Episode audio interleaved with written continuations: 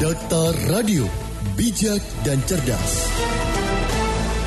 Rekan Dakta beberapa waktu lalu Presiden sudah menunjuk siapa-siapa saja yang akan membantunya dalam kabinet dan juga sudah ada wakil kabinet dan menjadi pertanyaan adalah tentu masing-masing partai koalisi yang mendukung dalam Pilpres yang lalu berharap bahwa kader-kader mereka akan masuk dalam susunan kabinet. Tetapi menjadi pertanyaan, salah satunya adalah Hanura. Tidak satu pun masuk dalam jajaran kabinet.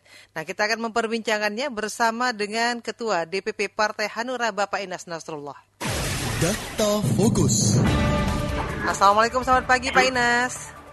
Waalaikumsalam warahmatullahi wabarakatuh. Pak Inas, Hanura merasa kecewa tidak kadernya tidak ada dalam posisi kabinet Jokowi saat ini? Kecewa itu manusiawi. Iya. Ya. Kecewa itu manusiawi. Kenapa? Saya katakan begitu. Hanura pada saat pendaftaran presiden ya uh, di bulan uh, di awal-awal tahun ini uh, itu menjadi partai pengusung. Salah satu dari enam partai pengusung, yaitu partai-partai yang memiliki kursi di DPR. Pada saat itu kan Hanura punya 16 kursi di DPR, Iya. kan. Sedangkan tiga partai lainnya adalah partai pendukung.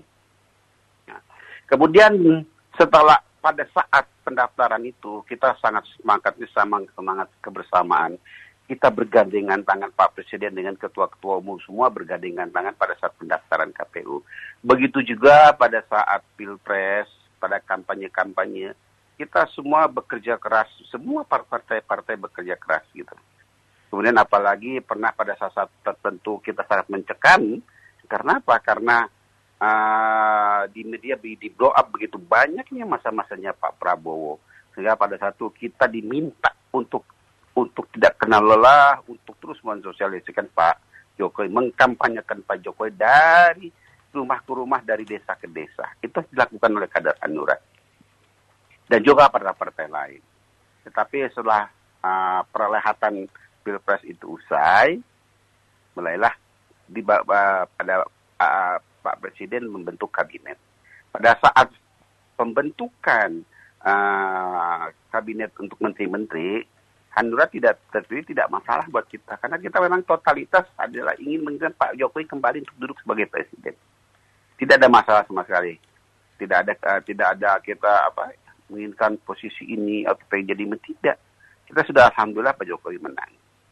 Nah, tetapi mulai kita merasakan bahwa kita di, di merasakan ditinggal Nah ini pertanyaannya, kita di Hanura ini ditinggal atau tertinggal, gitu kan? Kalau Hanura sendiri merasanya ditinggal atau Sebentar. tertinggal, Pak? Sebentar. Ya. Nah begitu begitu setelah pemilihan apa, apa penunjukan menteri-menteri selesai, kita tidak ada masalah, Hanura tidak tidak diajak. Tetapi begitu ada pemilihan wakil menteri, ternyata ada dua partai yang pada saat itu hanya pendukung dan tidak punya kursi di DPR, tidak ikut mendaftarkan mendaftarkan Pak Jokowi, tidak ikut menandatangani pendaftaran di KPU, malah mendapatkan kursi wakil menteri. Kita kita bertanya-tanya, kader-kader pun merasakan kekecewaan.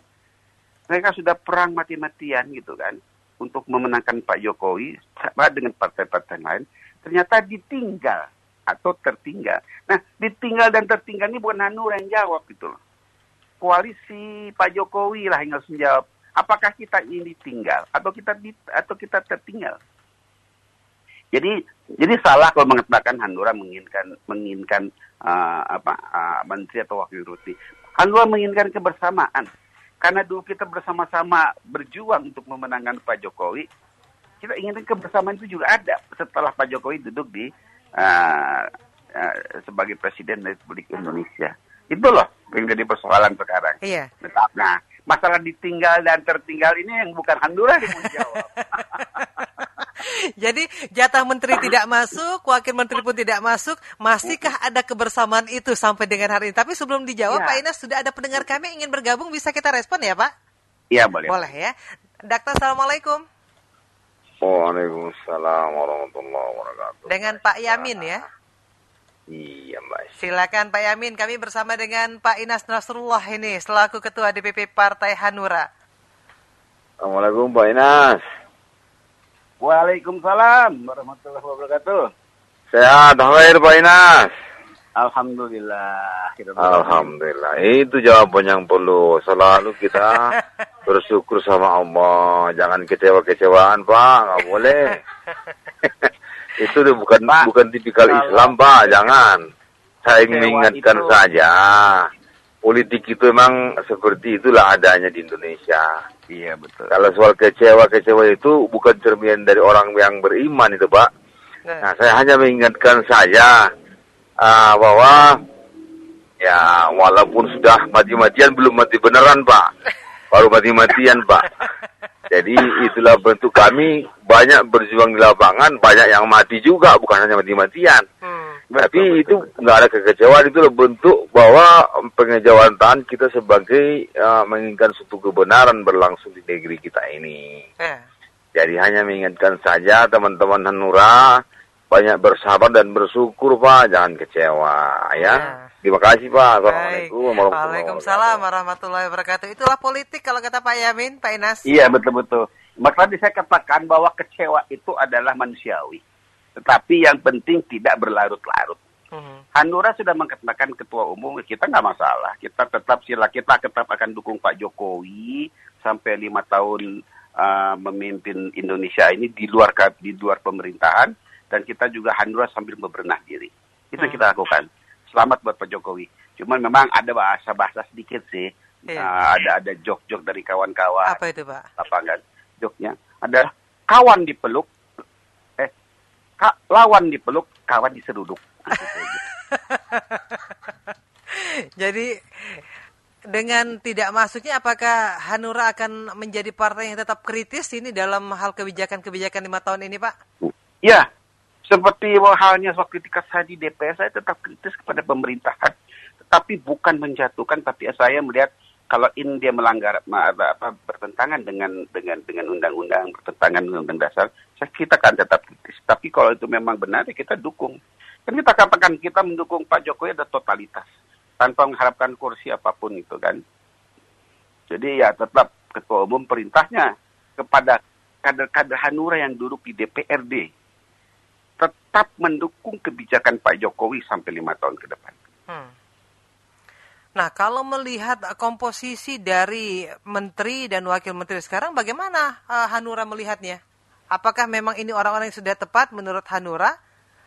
Atau karena melengkapi Kalau- saja tadi eh, jatah-jatah dari masing-masing parpol? Kalau kita bilang sudah sudah lengkap, artinya Hanura bodoh banget nggak bisa tidak bisa. Karena tidak masuk di situ ya? Bu- ah, ah. tapi juga kita katakan ada yang memang posisinya tepat, ada juga yang tidak tepat. Misalnya ah, posisi Menteri Perdagangan dan ah, Wakil Menteri Perdagangan harus di- harus kita lihat backgroundnya gitu kan. Iya. Backgroundnya apa? Apakah tepat apa tidak? Kita kan tahu bahwa Menteri Perdagangan itu ah, backgroundnya adalah ketua umum ketua umum apa namanya anggar gitu kan Hmm. Lantas juga pemilik dari pemilik dari galangan kapal yang sedang bangkrut. Jadi i- itu itu itu kondisinya. Kemudian wakil menterinya background cuma hanya dari dari dari politik. Sedangkan perdagangan kan banyak persoalan-persoalan yang harus diselesaikan apalagi masalah yang kita khawatirkan adalah mulai menegojolak-gejolak harga pada satu saat gitu. Apakah ini bisa diatasi apa tidak gitu. Hmm. Itu yang pertama. Yang kedua juga di, di, di posisi wakil menteri BUMN. Nah, sedangkan di BUMN itu sudah ada yang namanya deputi BUMN. Kalau kita baca pada undang-undang kementerian, di mana situ ada klausul tentang uh, deputi BUMN, Kemen- menteri BUMN, di situ tuh uh, tugasnya, fungsinya itu sudah jelas dikatakan. Dan tidak jauh dengan tugas dan fungsi di di, di peraturan pemerintah tentang uh, tentang tentang wakil menteri. Jadi kalau di Kementerian BUMN itu ada deputi, kemudian ada juga wakil menteri, ini gimana nih posisinya gitu loh? Kalau memang di kementerian itu belum ada deputi ke, de- deputi menteri, saya kira uh, wajar-wajar saja kalau ada wakil menteri. Tetapi kalau sudah ada deputi me- deputi menteri, kemudian ada juga wakil menteri. Kita tahu deputi itu kan wakil sebenarnya. Iya. Deputy itu hanya bahasa Inggris, di bahasa Inggris juga wakil kan. Nah, jadi wakil menteri ada wakil menteri lagi yang katanya nanti untuk untuk mengkoordinasi artinya di dalam di dalam organisasi Kementerian BUMN itu ada, ada adanya koordinator para wakil. Nah ini ini ini nggak jelas sebenarnya gitu. Nah, kan pemerintah harus menjelaskan kok seperti ini gitu loh. Apa sebenarnya apa bedanya deputi dengan wakil menteri karena kalau kita lihat kita lihat fungsi dan tugas sama-sama aja. Gitu. Tapi nah, akan kalau memang memang Menteri BUMN merasa uh, membutuhkan banyak uh, pembantuan di dalam uh, mengurus 149 kalau tidak salah. Tapi sepemahaman saya 119 BUMN yang selama ini diurus oleh lima deputi, kenapa deputinya tidak ditambahkan menjadi tujuh, menjadi delapan itu loh. Bukan, bukan kemudian bukan menambahkan dengan wakil menteri. Nah ini yang harus harus diklarifikasi oleh oleh pemerintah. Iya. Kalau Hanura sendiri memandang perlu tidak sih Pak adanya wakil menteri ini?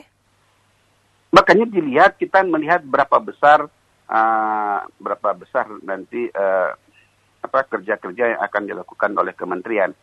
Kalau kapasitasnya begitu besar, saya kira memang harus ada wakil menteri. Contohnya misalnya untuk Kementerian Perdagangan itu perlu wakil menteri.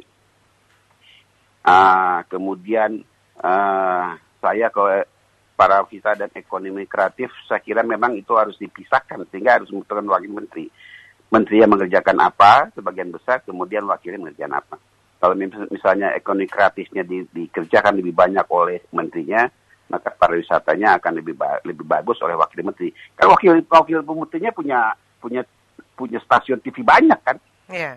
Nah, jadi jadi untung buat pemerintah ada ada ada promosi gratis untuk para wisata. Kenapa begitu kan? Yeah. Nah, itu itu memang Pak Jokowi eh, cerdasnya di situ. Jadi menempatkan, kalau menempatkan wakil menteri anaknya Haritanu Sudibyo hmm. itu tepat gitu. Nah, jadi kalau sudah dari awal berdarah-darah memenangkan Jokowi Ma'ruf, sekarang tidak mendapatkan jatah, bagaimana nah, untuk mengkondisikan kader-kader di daerah? Berdarah-darah itu bahasa dari kawan kita lah kan misalnya. Dia berdarah, saya bisa pahami kenapa dia mengatakan berdarah. Pada saat kampanye dia jatuh dari motor dan kakinya berdarah. Makanya kita dia dekat dia katakan berdarah-darah. Itu hanya sekedar pengungkapan isi hati saja. Tapi pada intinya mungkin karena dia jatuh dari motor kakinya luka dia berdarah. Makanya yeah. dia kesel dia bilang kita sudah berdarah-darah oh bisa saya saya pahami itu kok masa Apakah Nura masih melihat akan ada posisi lain paling tidak yang diberikan oleh Jokowi nanti? Jabatan-jabatan? Yang penting sekarang, buat Hanura yang penting presiden dan kabinet untuk segera bekerja. Untuk segera bekerja karena rakyat menunggu gitu loh. Rakyat menunggu banyak hal yang harus diselesaikan oleh pemerintah. Sekarang ini salah satunya adalah BBM ah, BBM yang akan mulai merangkak naik gitu kan. Yeah. Menstabilkan harga-harga untuk masyarakat kan itu itu harga stabil gitu. Masyarakat bodoh amat kok sebenarnya apa mau import kayak mau ekspor tapi harga stabil. Tapi juga pemerintah tidak bisa terus import juga gitu kan. Bagaimana untuk mengatasi supaya tidak import gitu, tapi harga stabil.